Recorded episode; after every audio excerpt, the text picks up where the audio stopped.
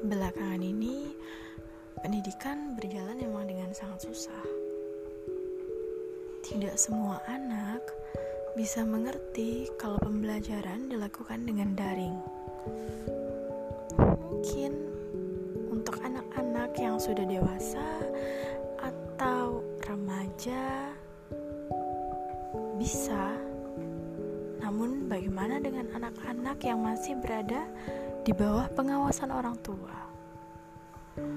Tentu ini akan menjadi suatu kendala bagi pendidik, orang tua, maupun anak-anak itu sendiri.